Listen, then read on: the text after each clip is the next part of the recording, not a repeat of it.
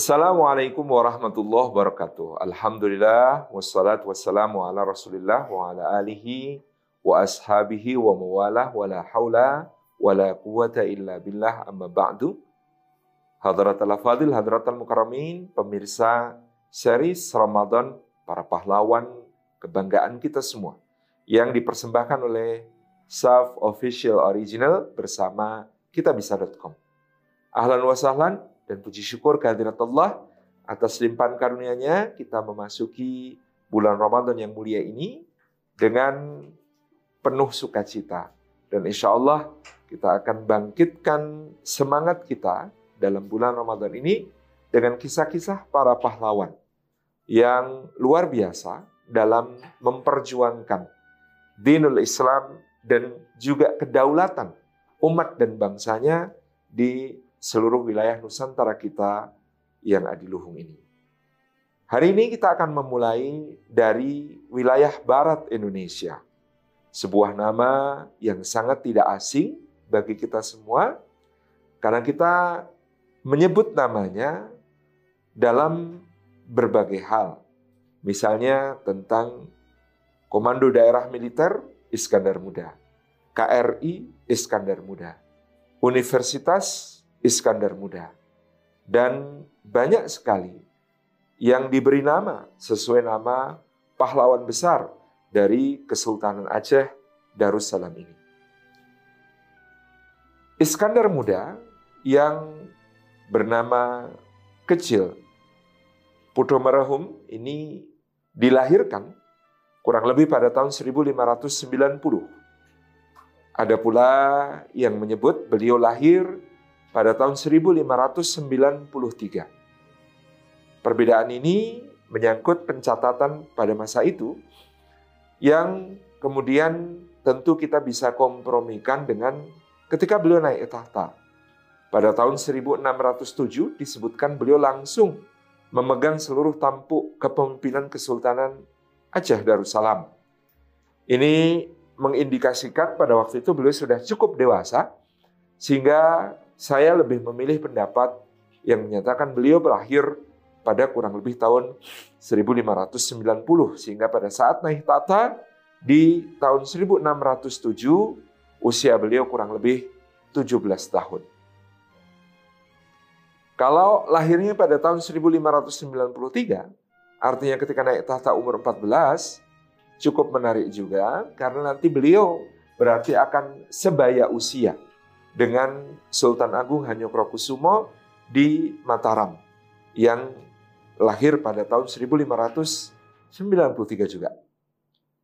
Yang menarik dari Sultan Iskandar Muda adalah beliau merupakan keturunan laki-laki terakhir dari dinasti Mekuta Alam. Dinasti Mekuta Alam ini adalah dinasti Sultan pendiri Kesultanan Aceh Ali Mughayat Shah di mana ayahanda dari Iskandar Muda, Sultan Mansur Shah, adalah keturunan dari Sultan Ali Mughayat Shah. Ini dinasti Darul Kamal yang menyumbang banyak sultan untuk Kesultanan Aceh. Tapi ada satu keluarga agung lagi, keluarga bangsawan besar, yang juga menyumbangkan putra-putranya untuk menjadi Sultan Aceh. Ialah keluarga Darul Kamal Nah, yang menarik adalah Sultan Iskandar Muda lahir dari seorang ibu bernama Putri Indra Bangsa yang merupakan keturunan keluarga Darul Kamal. Salah satu yang terkenal dari keluarga Darul Kamal adalah Sultan Alauddin Riasha Al-Qahar yang menjadi sultan ke-10 Kesultanan Aceh dan merupakan keturunan dari Sultan Inayat Syah, Raja Darul Kamal yang dahulu adalah sebuah negeri yang berada di bawah kekuasaan Kesultanan Aceh. Nah, Darul Kamal dan Mekuta Alam ini dulunya adalah pemukiman yang terletak bersebelahan di antara dua tepi sungai. Mungkin yang dimaksud adalah Kurung Aceh yang kita kenal sekarang. yang mengalir di Aceh Besar dan melalui Kutaraja. Penggabungan keluarga Darul Kamal dan keluarga Mekuta Alam ke dalam satu orang, yaitu Sultan Iskandar Muda, tentu menjadi sebuah keuntungan tersendiri agar tidak terjadi persaingan di antara kedua keluarga besar tersebut dalam memperebutkan posisi Sultan Aceh. Tetapi seorang pengelana dari Perancis bernama Beliau mengatakan tentang Iskandar Muda yang luar biasa dari Iskandar Muda adalah setelah itu beliau membabat semua keluarga-keluarga bangsawan-bangsawan lama di Aceh yang kemudian menguasai secara de facto kekuasaan lokal di wilayah-wilayah Kesultanan Aceh. Iskandar Muda mengadili semua pelanggaran-pelanggaran yang dilakukan oleh keluarga-keluarga bangsawan ini pada masa lalu dengan keras atau bahkan mungkin disebut dengan kejam. Dengan mengakhiri kekuasaan mereka, para keluarga bangsawan lama yang dianggap telah lama menikmati keuntungan-keuntungan dari pemerintahan dan perdagangan lada yang sangat maju pada saat itu, yang tindakan-tindakan mereka banyak melanggar hukum dan menyengsarakan rakyat. Iskandar Muda membabat habis keluarga-keluarga bangsawan lama ini, kemudian membangun sebuah sistem kebangsawanan baru berupa membagi-bagi wilayahnya menjadi mukim. Yang wilayah-wilayah mukim ini gabungan dari beberapa mukim disatukan oleh sebuah masjid yang dipimpin oleh seorang imam atau dalam bahasa Aceh imam. Seorang imam yang kemudian menjadi kepala agama. Yang imam ini memimpin majelis permusyawaratan untuk mengatur hal-hal hukum di wilayahnya. Sementara bawahan-bawahan langsung Sultan Iskandar Muda yang disebut Ule Balang atau mungkin bahasa Indonesia ya Hulu Balang kemudian ditempatkan di wilayah-wilayah yang mukim-mukimnya telah disatukan oleh para imam tersebut untuk menjadi kepala pemerintahan. Sehingga wewenang hukum tetap berada pada para imam tetapi yang melaksanakan pemerintahan secara langsung, mengatur berbagai urusan masyarakat adalah para ulebalang yang melapor langsung kepada Sultan Iskandar Muda. Iskandar Muda meluaskan wilayah kekuasaan Aceh dengan sangat progresif. Beliau bergerak seperti laporan para pengelana baik dari Prancis, kemudian Sir James Lancaster dari Inggris dan lain sebagainya. Wilayah Kesultanan Aceh pada masa Iskandar Muda mencapai pantai barat Sumatera di wilayah Minangkabau. Kemudian ke selatan mencapai wilayah Sungai Asahan yang ada di Sumatera Utara sekarang, bahkan sebagiannya menguasai pengaliran Sungai Rokan dan Sungai Indragiri di wilayah Riau sekarang. Kemudian beliau pada saat itu tentu harus merespon sebuah bahaya besar yang bercokol di Malaka, yaitu Portugis. Portugis yang memasuki Malaka pada tahun 1511. Bahkan kemudian pernah berhasil menguasai Pasai pada tahun 1521 oleh Iskandar Muda disikapi sebagai musuh yang tidak ada negosiasi damai dengan mereka. Iskandar Muda melihat karena sudah hampir 100 tahun Portugis bercokol di Malaka, dia telah mampu untuk mengkooptasi kerajaan-kerajaan di sekitarnya untuk menunjang, menopang kepentingan-kepentingan imperialismenya.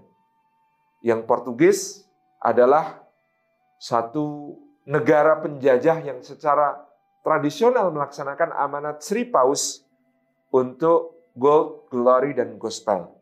Mencari kekayaan, mencari kejayaan, sekaligus menyebarkan agama, dengan penanda berupa batu paderau atau panderau yang kemudian mereka ya, tegakkan di wilayah-wilayah yang mereka kuasai. Salah satu kesultanan Islam yang sayang sekali terkooptasi pada saat itu oleh kepentingan Portugis di Malaka adalah Kesultanan Johor. Maka Iskandar Muda mengarahkan pandangannya ke Selat Malaka untuk mengembalikan kewibawaan Aceh dan menguasai perdagangan di Selat Malaka. Dia terlebih dahulu harus menyelesaikan persoalan Portugis ini dan itu tidak bisa dilakukan kecuali dengan pertama-tama menaklukkan Johor. Maka pada tahun 1617 armada perang Iskandar Muda yang sangat besar berkekuatan konon hingga 300 kapal bergerak menuju Johor. Pada waktu itu diceritakan dan disaksikan oleh orang-orang sezamannya Iskandar Muda sendiri yang memimpin penaklukan Johor. Dan dalam beberapa waktu kemudian Johor pun takluk. Sultan Johor yang juga masih memiliki pertalian kekerabatan dengan Kesultanan Aceh bernama Alauddin Riayat Syah ketiga bersama Perdana Menterinya yang terkenal Tun Sri Lanang kemudian ditahan, ditawan dan dibawa ke Aceh sebagai orang-orang tawanan bersama ratusan bangsawan-bangsawan dan penguasa Johor yang lain. Iskandar Muda tidak berhenti hanya di Johor. Armada perangnya bergerak ke pantai timur, semenanjung Malaka pada saat itu, di mana kemudian beliau menaklukkan Pahang. Keluarga diraja Kesultanan Pahang banyak yang kemudian ditawan atas perintah Iskandar Muda, tetapi dengan penuh kehormatan. Termasuk salah seorang putri diraja Kesultanan Pahang yang bernama Putri Kamaliah. Putri Kamaliah dari Pahang ini rupanya seorang wanita yang sangat cerdas, yang sangat pandai, yang sangat terpelajar. Sehingga ketika dihadapkan kepada Iskandar Muda, keduanya justru saling jatuh cinta. Antara Iskandar Muda, seorang sultan yang masih muda, dan penuh ambisi ini dengan putri Kamaliah dari Pahang. Sehingga akhirnya mereka pun menikah. Pernikahan Iskandar Muda dengan Putro Pang, orang Aceh menyebut putri dari Pahang sebagai Putro Pang, merupakan berkah tersendiri bagi keluarga Kesultanan Pahang yang kemudian dikembalikan kedudukannya oleh Iskandar Muda sebagai kerajaan bawahan dari kerajaan Aceh Darussalam sebagaimana kemudian kerajaan Johor yang rajanya Alauddin Riayat Syah ketiga kemudian bersumpah setia kepada Iskandar Muda untuk selalu setia kepada Aceh dan tidak kemudian membantu upaya-upaya Portugis untuk menganeksasi dan menebarkan pengaruhnya di wilayah Semenanjung Melayu dan Selat Malaka. Tetapi Alauddin Riayat Syah ketiga begitu sampai di Johor ternyata berkhianat. Dia mendukung Pangeran Bujang, seorang pangeran di negeri Pahang untuk kemudian didudukkan sebagai raja atas dukungan Portugis. Karena Pangeran Bujang ini sudah bersumpah setia kepada Portugis terlebih dahulu. Dukungan Alauddin Riayat Syah ketiga dari Johor kepada Pangeran Bujang yang bersumpah setia kepada Portugis disikapi dengan sangat keras oleh Iskandar Muda yang kemudian mengadakan penyerbuan untuk kedua kali ke Johor. Sekaligus sebagai penjajakan untuk nantinya menguasai Malaka dan melenyapkan kedudukan Portugis yang telah 100 tahun bercokol dan menyulitkan Kesultanan Aceh dalam mengatur perdagangan bebas, perdagangan rempah-rempah di Selat Malaka ketika itu.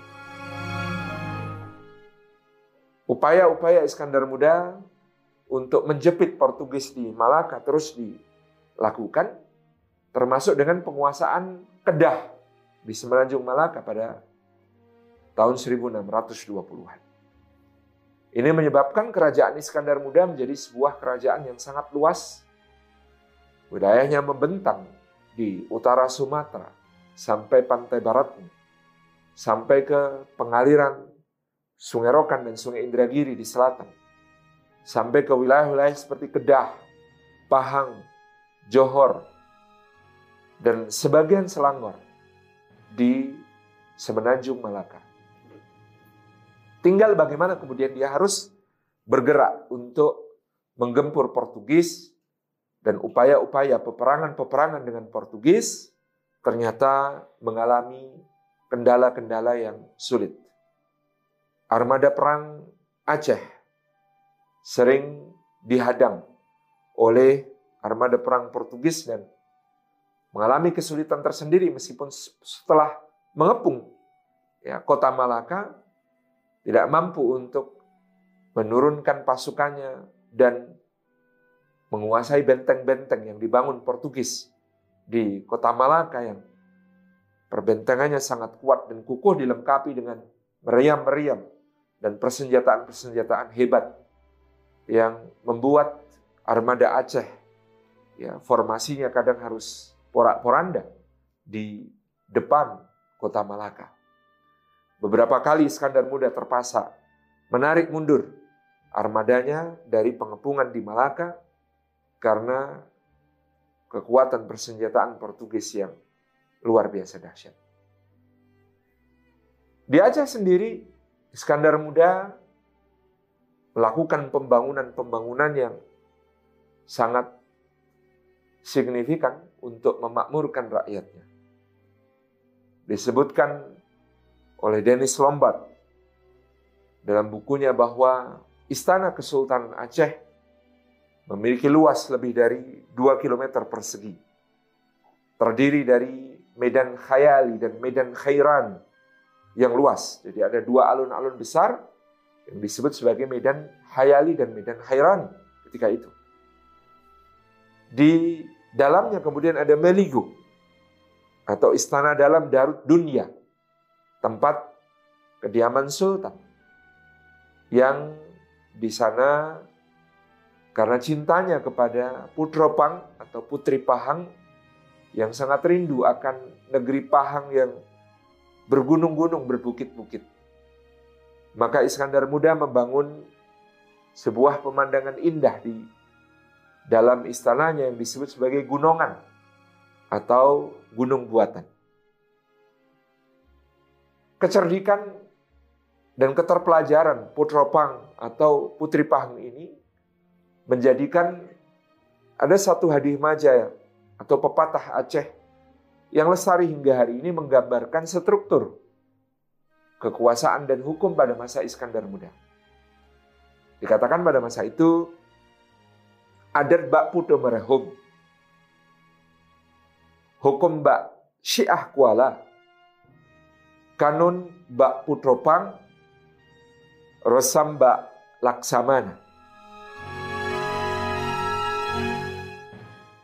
Hukum ngon adat lagi zat ngon sifat. Kalimat ini luar biasa. Yang pertama dikatakan adat bak puto barahum. Segala adat istiadat yang berlaku di seluruh wilayah Kesultanan Aceh adalah ketetapan dari putra marhum atau Sultan Iskandar Muda. Nama kecilnya putra marhum yang merupakan pewaris dari Sultan Mansur Syah, Sultan Aceh yang jaya. Maka seperti yang sudah kita kemukakan pada kalimat sebelumnya bahwa Iskandar Muda membentuk satu sistem feodal baru di mana para ule balang diberikan tanah-tanah wilayah yang dia kelola secara feodal. Tetapi hukum-hukum di berbagai wilayah tersebut, di antara mukim-mukim yang digabungkan oleh satu masjid, maka tetap ditentukan oleh seorang imam atau seorang pemuka agama. Kemudian dikatakan hukum baksyah kuala. Hukum syariat yang menjadi penentu segala pemutusan hukum ditentukan oleh Qadhi Malikul Adil. Qadhi Malikul Adil Kesultanan Aceh Darussalam ketika itu dijabat oleh Tengku Abdurrauf As-Singkili Syah Kuala. Syekh Abdurrauf As-Singkili Syah Kuala. Seorang ulama besar ahlu sunnah wal jamaah yang sangat mumpuni di bidang hukum yang merupakan seorang pelajar di Haramain Asy-Syarifain yang ketika kembali bahkan beliau berhasil ya menyadarkan keluarga Kesultanan Aceh untuk kemudian tidak terlalu mengikuti aliran-aliran tasawuf yang dianggap menyimpang oleh beliau seperti yang dibawa oleh Syekh Hamzah Al-Fansuri dari Fansur dari Barus ataupun Syekh Nuruddin Raniri yang kemudian berasal dari Ranir ya, dari Gujarat. Dan Kemudian di antara murid Syekh Abdul Rauf Hasingkili yang kemudian nanti juga akan memegang jabatan agung sebagai para qadhi Malikul Adil. Misalnya ada Syekh Samsuddin As-Sumatrani. Syekh Abdul Singkili dalam wilayah Kesultanan Aceh menjadi rujukan tertinggi hukum mengeluarkan fatwa dan mengadili perkara-perkara yang melibatkan para pembesar. Keputusannya tidak dapat dibatalkan, bahkan oleh sultan sendiri. Nanti bisa kita lihat dalam kasus Murah Pupok, putra mahkota Iskandar Muda yang melakukan pelanggaran hukum berupa perzinaan ketika dia sudah menikah. Yang akan ditindak tegas oleh Iskandar Muda dan akan memunculkan satu kalimat yang bersejarah dari beliau. Kemudian di dalam di maja yang tadi kita sebut ada kalimat berupa Kanun Mbak Putropang. Kanun atau undang-undang kesultanan dinisbatkan kepada Putropang atau Putri Pahang, permaisuri sultan. Mengapa? Karena Putropang adalah orang yang telah mengusulkan didirikannya satu majelis permusyawaratan yang beranggotakan para keluarga bangsawan dan para ulama, para ulama dan para umara untuk membahas persoalan-persoalan kenegaraan yang memerlukan keputusan-keputusan strategis maupun taktis. Lembaga ini karena juga beranggotakan para penguasa wilayah, para ulebalan, para imam, maka menjadi semacam parlemen bagi Kesultanan Aceh, di mana Iskandar Muda mendapatkan masukan-masukan dari mereka, mendapatkan berbagai insight tentang kebijakan-kebijakan untuk mengatur kerajaannya dari majelis permusyaratan yang dibentuk atas usul dari Putropang atau Putri Pahang Permasyuri Sultan Aceh. Ini menunjukkan sedemikian besarnya peran seorang permaisuri dalam kehidupan Kesultanan Aceh Darussalam pada saat itu. Kemudian Dikatakan dalam klausul terakhir resam bak leksamana. Resam bak leksamana. Resam adalah aturan-aturan protokoler sehari-hari yang mengatur hubungan di antara sultan dan para pejabatnya dan juga dengan rakyatnya. Ini diserahkan kepada Laksamana, yang Laksamana ini adalah Panglima Angkatan Perang Aceh yang terutama berintikan Panglima Angkatan Laut Laksamana pada masa Iskandar Muda masih dijabat oleh salah seorang perempuan yang dimasukkan dalam 10 tokoh muslimah terhebat dalam abad pertengahan oleh sebuah majalah yang terbit di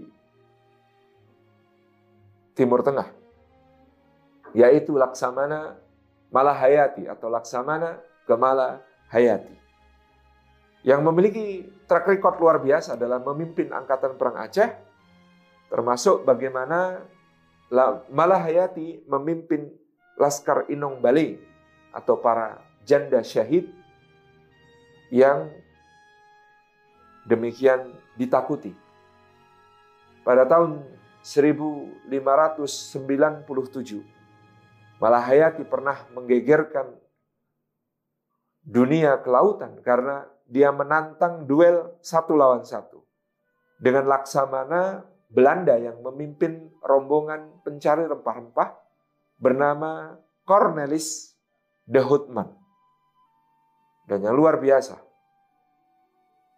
Laksamana Malahayati menikam de Houtman tepat di jantungnya dengan rencongnya sehingga Laksamana Belanda itu tewas di pelabuhan Bandaraya Aceh Darussalam.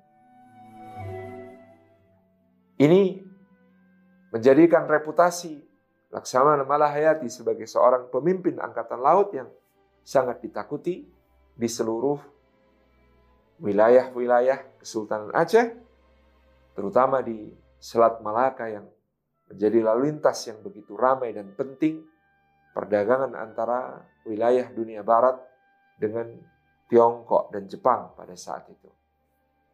Juga dengan negeri asal rempah-rempah di timur Nusantara yaitu Ternate dan Tidore. Sultan Iskandar Muda meringkas ya adat Bak Putu Merhom hukum Bak Syiah Kuala kanun Mbak Putropang dan resam Mbak Laksamana ini dengan satu ungkapan yang luar biasa. Yaitu hukum adat lagi zat on sifat. Hukum dan adat sebagai aturan hukum tertinggi di seluruh kerajaan itu tidak terpisahkan satu sama lain. Seperti zat dengan sifatnya. Hukum yang berasal dari Al-Quran dan hadis Nabi SAW yang dipegang oleh Tengku Abdul Rauf Asingkili Syahwala dan adat yang kemudian dipegang kekuasaan tertingginya oleh Sultan Iskandar Muda. Adat tidak boleh meninggalkan hukum. Dijiwai oleh hukum syariat, di mana kemudian pelaksanaan-pelaksanaannya pun menjadi satu ya catatan sejarah gemilang di masa Iskandar Muda seperti yang telah disinggung di depan. Pada saat itu terjadi pelanggaran hukum oleh Merah Pupo. Merah Pupo adalah pangeran mahkota Iskandar Muda. Dia kedapatan berzina, padahal dia sudah menikah. Maka hukum yang ditetapkan oleh Mufti Kadi Malikul Adil Tengku Abdul Raaf As-Singkil Syahwala adalah hukuman mati dengan rajam. Bagaimana sikap Sultan Iskandar Muda terhadap putranya? Yang adalah putra laki-laki satu-satunya. Putra mahkota penerusnya. Yang tentu menjadi harapan seluruh kerajaan. Jangan sampai dia mati. Tetapi ternyata melakukan pelanggaran semacam ini. Dikatakan Iskandar Muda menegaskan hukuman harus dijalankan sesuai syariat Islam pada saat itu. Maka Merah Pupok pun pun kemudian dihukum mati. Dirajam sesuai dengan aturan syariat Islam terhadap pezina muhsan atau pezina yang sudah menikah. Lalu muncullah kalimat yang sangat indah dari Iskandar Muda setelah itu. Beliau mengatakan, mohon maaf kepada teman-teman di Aceh kalau saya kurang fasih dalam melafalkannya. Mata anak mepat jerat mate hukum hana tamita. Beliau mengatakan, mati anak, kita masih bisa mendapatkan kuburnya. Kalau anaknya mati, masih bisa diziarah, ya ada di kuburnya. Tapi kalau mati hukum, kata Iskandar Muda, ke mana akan dicari hukum itu berikutnya? Karena akan menjadi presiden dan rujukan. Kalau misalnya, misalnya, Iskandar Muda melanggar hukum dengan mengatakan anaknya ini putra mahkota, harus diampuni, jangan sampai dijatuhi hukuman rajam, hukuman mati. Karena kita memikirkan masalah kerajaan ke depan. Tentu itu akan menjadi presiden, menjadi rujukan bahwa pelanggaran oleh seorang bangsawan tinggi, oleh seorang yang berstatus pangeran, apalagi putra mahkota, harus selalu dimaklumi, harus selalu diampuni, tidak boleh dijatuhkan hukuman. Ini tentu akan merusak sistem hukum yang berjalan di dalam kerajaannya. Maka luar biasa Iskandar Muda mengucapkan kalimat ini dan menjadi pegangan bangsa Aceh sampai hari ini. Mati anak mepajerat, mati hukum, hana padamita. Kalau mati anak, maka masih bisa ditemukan, disirahi, dikuburnya. Tapi kalau mati hukum, di mana kita akan mencari? Ungkapan ini sekaligus menggambarkan kepada kita bagaimana pribadi seorang Iskandar muda. Seorang yang patuh pada agama. Seorang yang taat kepada hukum. Seorang yang tegas dan keras dalam memberi hukuman bahkan meskipun kepada keluarga dekat. Bahkan meskipun kepada seorang putra mahkota. Yang tentu amat sangat diharapkan nantinya akan menjadi seorang yang melanjutkan kekuasaan yang besar, yang memerintah negeri-negeri yang begitu luas di Sumatera, di Semenanjung Malaka dan perairannya. Ketegasan yang luar biasa dari Iskandar Muda ini mengundang decak kagum dari para tamu asing dan dari seluruh rakyat. Pada masa Iskandar Muda datang utusan-utusan yang banyak dari berbagai negeri di antaranya adalah utusan yang kemudian berasal dari Inggris bernama Sir James Lancaster membawa surat dari Ratu Elizabeth pertama disertai dengan hadiah-hadiah yang sangat berharga untuk Iskandar Muda. Sir James Lancaster menyampaikan surat Ratu Inggris itu dan di dalam pembuka surat dikatakan kepada saudara hamba yang mulia, Sultan Aceh. Menunjukkan betapa Inggris memandang Aceh sebagai sebuah kekuasaan yang sangat signifikan di wilayah-wilayah bawah angin di Asia Tenggara pada zaman itu. Maka hadiah-hadiah itu diterima karena memang Sultan Iskandar Muda dikatakan menyukai barang-barang yang bagus dan mewah dari negeri-negeri asing. Termasuk hadiah berupa cermin yang sangat besar yang qadarullah ternyata pecah di dalam perjalanan. Sehingga kemudian harus disatukan serpihan-serpihannya ketika dipersembahkan kepada beliau. Tetapi kita bisa melihat bagaimana pecahan-pecahan itu sudah cukup untuk memberikan sebuah inspirasi bagi Iskandar Muda untuk memperindah istananya dengan sebuah aula besar yang disebut sebagai balai cermin. Balai cermin adalah aula kaca yang mana seluruh dinding dan bagian plafon atapnya dihiasi dengan cermin. Sehingga tamu yang datang bisa melihat dirinya dalam jumlah yang sangat banyak di seluruh balai cermin tersebut. Di mana kaca yang saling berhadapan tentu memantulkan bayangan yang tak habis-habis satu sama lain. Ini konon adalah satu-satunya di seluruh wilayah Asia pada saat itu adanya balai cermin, sebuah aula kaca di dalam istana Darud Dunya pada masa Iskandar Muda. Sir James Lancaster yang memang tercatat sebagai seorang yang sangat sopan dan pandai berdiplomasi dan bernegosiasi akhirnya mendapatkan gelar kebangsawanan di Aceh sebagai orang kaya putih.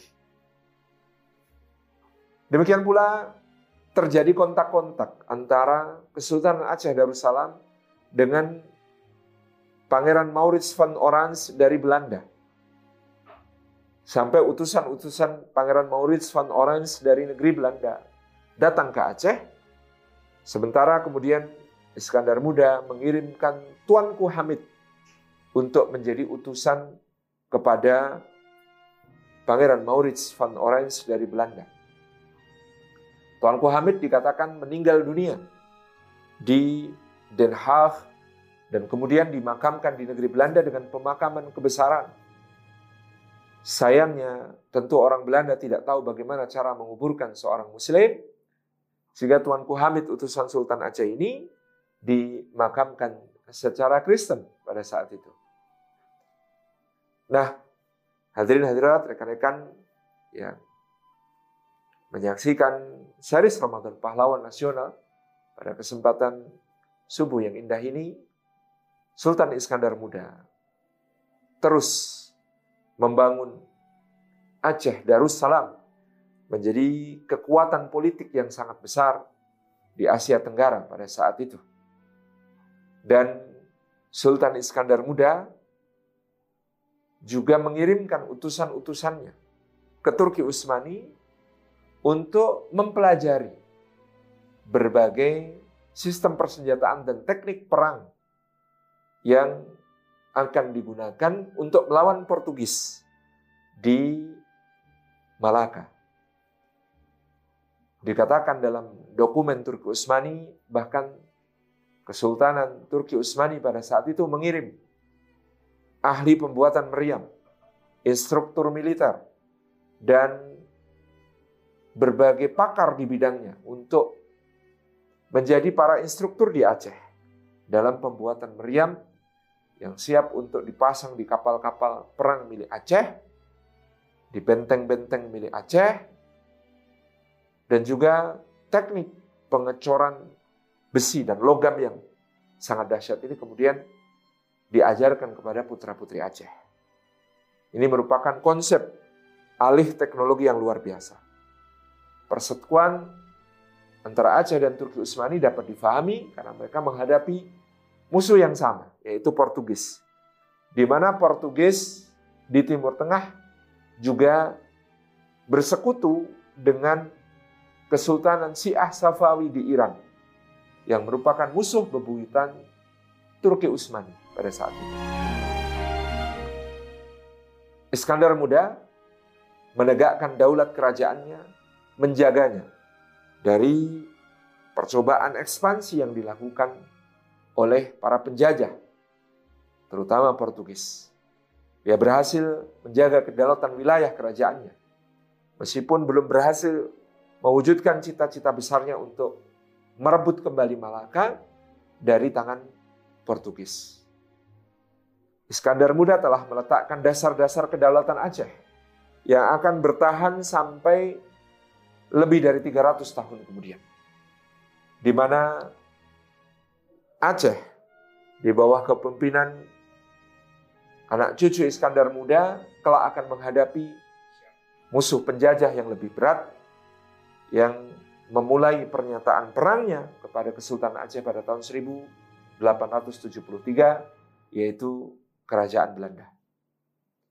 Aceh mewarisi darah Iskandar Muda, mewarisi semangat dari Laksamana Malahayati, mewarisi intelektualitas Putropang, mewarisi keteguhan beragama dari Tengku Abdurrauf Asingkili Syekh Kuala menjadi bangsa yang gigih dalam melawan penjajahan. Menjadi bangsa terakhir yang bisa ditaklukkan oleh kolonial Belanda di Nusantara. Ada daerah yang mungkin dijajah oleh Belanda selama tiga setengah abad.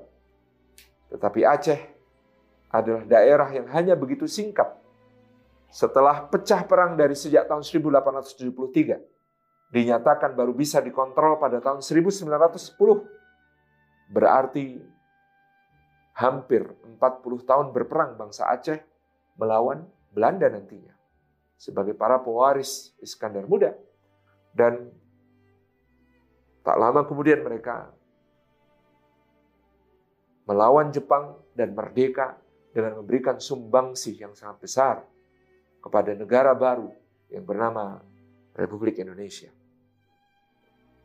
Warisan kejayaan Iskandar Muda terus berlangsung termasuk dalam sistem pemerintahan yang dilakukannya, yaitu sistem mukim, panglima sagi, para ulebalang, para imam di masjid-masjid besar, yang kemudian menjadi ciri khas ya sistem sosial politik di Aceh sampai berabad-abad kemudian. Iskandar Muda yang pada zamannya terkenal dengan istana Darud Dunyanya yang di kandang gajahnya Kalau berpawai maka keluar tidak kurang dari 300 gajah. Ketika dia melakukan kunjungan-kunjungan. Adalah seorang raja gagah perkasa yang qadarallah wa masyafa'al Allah kurniakan usia yang tidak terlalu panjang. Pada tahun 1637 setelah 30 tahun bertahta, Iskandar Muda wafat. Tentu kalau mempertimbangkan beliau lahir di tahun 1590, ketika itu beliau berusia 47 tahun. Bahkan kalau kita mempertimbangkan usia beliau dari lahir, misalnya kita menerima pendapat tahun 1593, maka kita baru menghitung usia Iskandar Muda yang masih 44 tahun. Tentu sebuah kehilangan besar dari seorang raja besar yang tidak panjang usianya untuk terus membangun kekuatan Aceh dalam menyingkirkan kekuatan kolonial Portugis di Malaka. Empat tahun setelah wafatnya Iskandar Muda, Portugis akhirnya hengkang dari Malaka. Tapi bukan semata-mata oleh Aceh, melainkan karena kalah oleh VOC Belanda yang pada tahun itu 1641 Kemudian dari pusatnya di Batavia mengirimkan armada perang yang kuat dan pada tahun itu sejak masa wafatnya Iskandar Muda, VOC adalah kekuatan terkuat di seluruh kepulauan Nusantara dan Samudra Hindia. Yang konon kekuatan VOC waktu itu yang dibangun dengan sistem dagang, kekayaannya sebagai sebuah perusahaan pada tahun 1600 37 itu melebihi kekayaan 20 perusahaan terbesar di dunia yang ada hari ini digabungkan. Baik itu dari Google, dari Microsoft, dari Facebook, dari Saudi Aramco, dari PetroChina sampai perusahaan-perusahaan terbesar lainnya ketika digabung. Itu kalah dari VOC pada saat itu. Iskandar muda gagal mengambil kembali Malaka. Dan Malaka kemudian lepas dari Portugis di tahun 1641, empat tahun setelah wafatnya Iskandar Muda kepada VOC Belanda. Dan VOC Belanda akan menjadi kisah yang banyak kita ceritakan di series pahlawan Nusantara kita ini, ya menjadi lawan bagi para pahlawan, para mujahid, dan para syuhada kita di Nusantara. Pemirsa, pahlawan series yang dimuliakan Allah tentu lebih banyak hal lagi yang bisa kita gali pelajarannya dari Sultan yang hebat Iskandar Muda dari Aceh. Tapi cukuplah kita ambil kesimpulan, satu, Iskandar Muda membangun pemerintahan yang kuat dengan sistem ketatanegaraan yang kokoh, berdasar pada adat, hukum, kanun, dan juga resam. Beliau mendistribusikan penisbatan kekuasaan itu kepada ulama, Syekh Abdurraf Asingkili, kepada permaisurinya, Purnopang, kepada laksamananya yang agung, Malahayati. Dan beliau menyusun satu sistem bangsawan baru yang bertahan lebih dari 300 tahun kemudian. Yang kedua, Iskandar Muda, seorang yang sangat taat kepada hukum dan syariat Ditunjukkan bagaimana dia tidak takut kehilangan seorang putra mahkota lelaki yang satu-satunya. Daripada harus melanggar hukum dan fatwa yang telah dikemukakan oleh Kadi Malikul Adil, Syekh Abdurrauf As-Singkili, Tengku Syekh Wala. Ini harus menjadi catatan penting kata Syekh di sini bukanlah Syiah, tetapi Syekh, seorang yang berkuasa penuh. Syekh sebagaimana gelar raja-raja. Kemudian kita melihat Iskandar Muda telah mengupayakan ya, jalan terbaik untuk bisa mengusir Portugis dari Malaka. Meskipun tidak berhasil melakukannya, dia telah mengepung kedudukan Portugis di semenanjung Melayu dengan menguasai kerajaan-kerajaan di sekitarnya dari Kedah, Selangor, Pahang, Johor, dan lain sebagainya. Membuat Portugis tidak bisa banyak bergerak dan akhirnya semakin lemah yang akhirnya membuat juga Portugis hengkang meskipun didongkel oleh Belanda, bukan oleh beliau. Kepahlawanan Iskandar Muda menjadi inspirasi bagi bangsa Aceh tak habis-habis sampai masa ketika bangsa Aceh harus melawan penjajahan Belanda 250 tahun setelah wafatnya Iskandar Muda. Semoga Allah berkahi, semoga Allah rahmati beliau Iskandar Muda pahlawan besar kita dan semoga Allah karuniakan kepada bangsa Aceh maupun bangsa Indonesia untuk dapat senantiasa mengikuti suri teladan pahlawan besar Iskandar Muda Mekuta Alam rahimahullah. Wassalamualaikum warahmatullahi wabarakatuh.